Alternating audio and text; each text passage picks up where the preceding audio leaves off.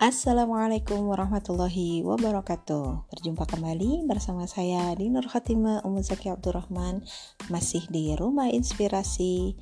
Kenapa setia di sini? Karena motivasi dan inspirasi selalu ada di sini. Baik, alhamdulillah untuk hari ini saya tidak melanjutkan tentang pembahasan di ilmu retorika menguncang dunia seperti sebelum-sebelumnya, lima hari ke belakang ya dan hari ini saya akan mencoba menyampaikan satu hal yang baru yaitu tentang belajar bahasa Arab. Nah, siapa nih yang sudah pernah belajar bahasa Arab? Nah, apa sebenarnya yang ada dalam benak kita ya, apa yang ada di dalam benak Anda ketika mendengar kata belajar bahasa Arab? Apakah ada kosakata susah, rumit, ribet, lama, nggak selesai-selesai? Dan segala sesuatu yang tidak mengenakan hadir memenuhi, memori Anda. Atau mungkin Anda juga sudah membulatkan tekad sebenarnya ya untuk mengikuti kursus belajar bahasa Arab, namun ternyata tidak pernah berhasil sampai tuntas. Selalu saja berputar-putar pada pembahasan ciri-ciri ciri-ciri isim ya, ciri-ciri fiil atau huruf.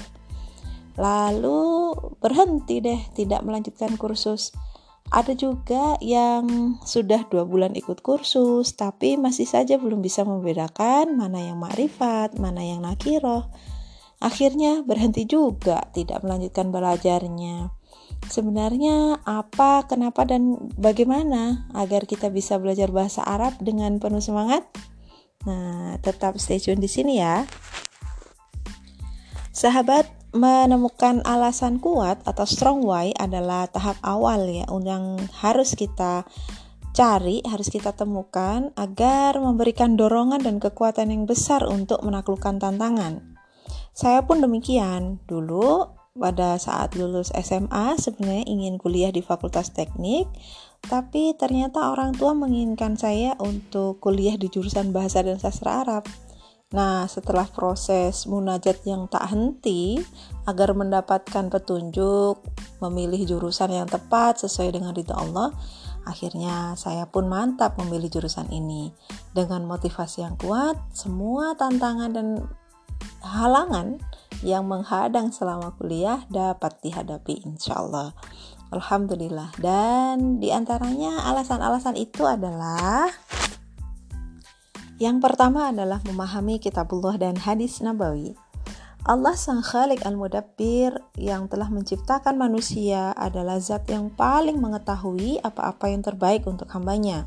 Dan semua tata aturan serta petunjuk dari Allah itu telah Allah wahyukan secara lengkap dalam Al-Quran. Maka untuk memahami ajaran Islam, manusia harus memahami bahasa Arab yang Al-Quran telah diturunkan dengan bahasa Arab. Allah berfirman di dalam surat Az-Zumar ayat 27 sampai 28, A'udzu billahi minasyaitonir rajim.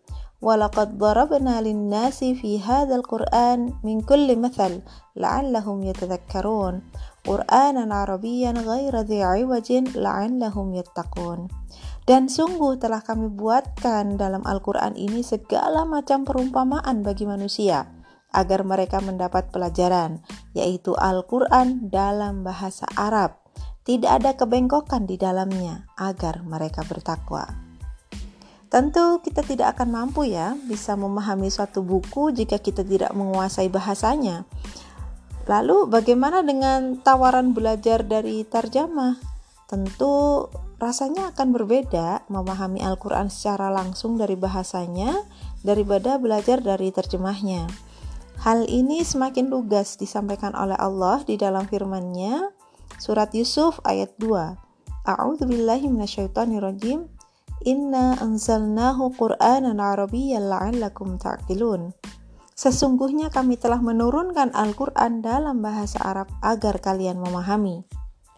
Maka ini adalah jaminan dari Allah bahwa kita pasti bisa berbahasa Arab. Berikutnya tinggal bagaimana kita mau menjemput janji Allah ini atau tidak? Dan jawaban dari muslim yang cerdas adalah ya saya mau menyebut janji Allah, saya pasti bisa menguasai bahasa Arab. Lanjut ya. Yang kedua, belajar bahasa Arab merupakan kewajiban bagi muslim. Umar bin Khattab menyampaikan dalam salah satu kaulnya, Ta'allamul Arabiyyah fa innaha min dinikum. Pelajarilah bahasa Arab oleh kalian karena sesungguhnya bahasa Arab itu adalah bagian dari agama kalian. Bahasa Arab itu merupakan bagian yang tidak terpisahkan dari agama kita dan menjadi bagian integral dari Islam ini sendiri. Imam Ibnu Taimiyah mengemukakan bahwa mempelajari bahasa Arab dalam rangka memahami Al-Quran dan As-Sunnah merupakan kewajiban bagi seorang Muslim, karena memahami Al-Quran dan As-Sunnah itu sendiri hukumnya wajib, dan ia tidak akan dapat difahami tetap kecuali ya kecuali dengan memahami bahasa pengantarnya. Beliau menggunakan kaidah usul yang sangat terkenal tentang wajibnya sesuatu untuk menyempurnakan pelaksanaan kewajiban malayatimul wajib illa bihi fahuwa wajib. Kewajiban yang tidak sempurna pelaksanaannya melainkan dengan sesuatu, maka sesuatu itu menjadi wajib. Maka belajar bahasa Arab adalah kewajiban bagi kita. Yang ketiga, bahasa Arab merupakan kunci dari kebangkitan umat. Syekh Taqiyuddin An-Nabhani rahimahullah menyampaikan di dalam kitabnya bahwa salah satu faktor kegagalan upaya membangkitkan umat yang dilakukan oleh kelompok-kelompok dakwah Islam adalah adanya keterpisahan potensi Islam dengan potensi bahasa Arab. Jika sekarang ada yang sudah mahir berbahasa Arab, tetapi ia tidak menyatukannya dengan potensi Islam, menggunakannya dalam rangka menerapkan Islam di tengah masyarakat, maka itulah yang kemudian menjadikan kebangkitan umat itu mengalami kegagalan demi kegagalan. Maka hal ini menjadi cambuk bagi pelaku-pelaku dakwah bahwa dengan memahami bahasa Arab kemudian menyatukannya dengan potensi Islam untuk menjawab berbagai macam problem kehidupan hari ini merupakan salah satu kunci menuju keberhasilan kebangkitan umat. Yang keempat adalah memantapkan penyampaian dakwah kepada masyarakat. Kita pasti sudah sering ya mengikuti kajian atau ceramah yang disampaikan oleh seorang muallim atau muallimah, ustadz, ustazah.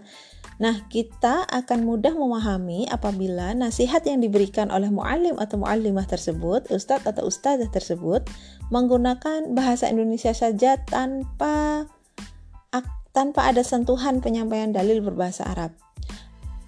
Ya, akan tetapi apabila nasihat itu diselingi dengan menggunakan bahasa Arab akan terasa lebih mantap di dalam hati. Dan juga mantap dalam pendengaran kita. Ini yang menjadi salah satu khas yang dimiliki oleh bahasa Arab, yaitu ia mampu menggerakkan jiwa bagi orang-orang yang mendengarkannya ceramah yang disampaikan di dalam menggunakan bahasa Arab itu akan mampu menembus relung-relung jiwa yang haus akan ilmu dan petunjuk dari Allah. Nah, setelah tertanam tekad yang sangat kuat kepada diri kita untuk belajar bahasa Arab, maka diperlukan formula atau pola belajar sesuai dengan tujuan yang sudah kita tetapkan. Maka menemukan pola pola belajar bahasa Arab ini menjadi uh, sesuatu yang penting juga harus kita ketahui. Yang pertama, gimana cara menemukan pola belajar? Yang pertama adalah awali dengan memunculkan rasa senang kepada bahasa Arab. Coba bangun mindset positif untuk menyenangi tulisan-tulisan berbahasa Arab. Buang jauh-jauh rasa rasa takut, grogi, atau alergi terhadapnya. Misalnya, kalau ketemu tulisan Arab, wah ini apa ya? Penulisannya kok unik sekali. Ada yang lurus, ada yang meliuk, bertitik satu, ada yang bertitik dua. Bagaimana ya cara membaca tulisan ini? Wah, pasti senang sekali sekiranya saya bisa membaca tulisan ini. Cara membacanya benar, harokatnya tepat, memahami maknanya, masya Allah. Bisa juga dengan ungkapan afirmasi positif, seperti "Ya Allah, senang sekali sekiranya saya bisa memahami tulisan ini secara langsung dengan bahasa aslinya, sehingga saya bisa mengetahui keindahan-keindahan yang ada di dalamnya, baik dari pemilihan kata maupun penggunaan gaya bahasanya." Intinya, kalau ketemu bahasa Arab atau ketemu teks berbahasa Arab, jangan kabur, jangan lari, ya atau kalau ketemu dengan orang yang sedang berbicara bahasa Arab, ya datangi saja, hadapi saja, kemudian banyak-banyak doa. ya banyak-banyak doa dan banyak-banyak berbicara pada diri sendiri dengan kata-kata yang positif. Yang kedua adalah cara menemukan pola belajar. Yang kedua adalah belajarlah untuk mengajar dan mengajarlah untuk belajar. Nah, keberadaan guru akan menjadi penyemangat sekaligus pengendali bagi kita bahwa kita tidak sedang bermain-main dengan ilmu, dan juga ada guru yang harus dimuliakan. Ilmu yang kita dapatkan dari guru akan semakin tertancap kuat jika kita sekaligus menjadi guru bagi orang lain. Dan ketika kita tengah mengajar atau ketika kita menyampaikan kepada orang lain tentang materi bahasa Arab, kemudian ada pertanyaan yang ternyata kita sendiri belum bisa menjawabnya, maka ini sekaligus mengkonfirmasi bahwa ternyata kita memang belum memahami konsep tersebut. Nah, celah ketidakfahaman inilah yang bisa kita jadikan sebagai bahan pertanyaan untuk kita ajukan kepada guru kita saat kita belajar. Yang ketiga, menentukan target jangka pendek. Sebagaimana bahasa yang lain, bahasa Arab juga memiliki empat keterampilan bahasa, yaitu keterampilan istima atau menyimak, keterampilan kalam atau berbicara, keterampilan kiroah atau membaca, keterampilan kitabah atau menulis. Nah, kita perlu tentukan dulu target jangka pendek kita. Kita ingin menguasai bahasa Arab ini di keterampilan bahasa yang mana? Dalam ilmu bahasa, empat keterampilan bahasa tersebut dibedakan menjadi dua jenis, ya, input dan output, masukan dan keluaran. Jika kita memperbanyak input audio, maka kita juga akan dengan mudah memberikan output berupa audio, yaitu keterampilan berbicara. Jadi kalau inputnya istimak, maka outputnya adalah kalam. Ya, sebaliknya, jika kita memperbanyak masukan berupa simbol atau teks, maka output yang akan kita hasilkan itu juga berupa simbol atau teks itu sendiri. Ya, jadi kalau inputnya itu kiroah, maka outputnya adalah kitabah. Kalau kita pengen pintar nulis, ya banyak-banyak baca, kan begitu ya. Jadi menentukan target keterampilan apa yang ingin kita kuasai akan menjadikan proses belajar bahasa Arab kita itu menjadi lebih fokus. Sekian dulu uh, sharing saya hari ini. Mudah-mudahan bermanfaat dan ada guna dan bisa disampaikan juga kepada yang lainnya. Terima kasih. Ketemu lagi insya Allah besok kita akan membahas hal yang baru lagi. Wassalamualaikum warahmatullahi wabarakatuh.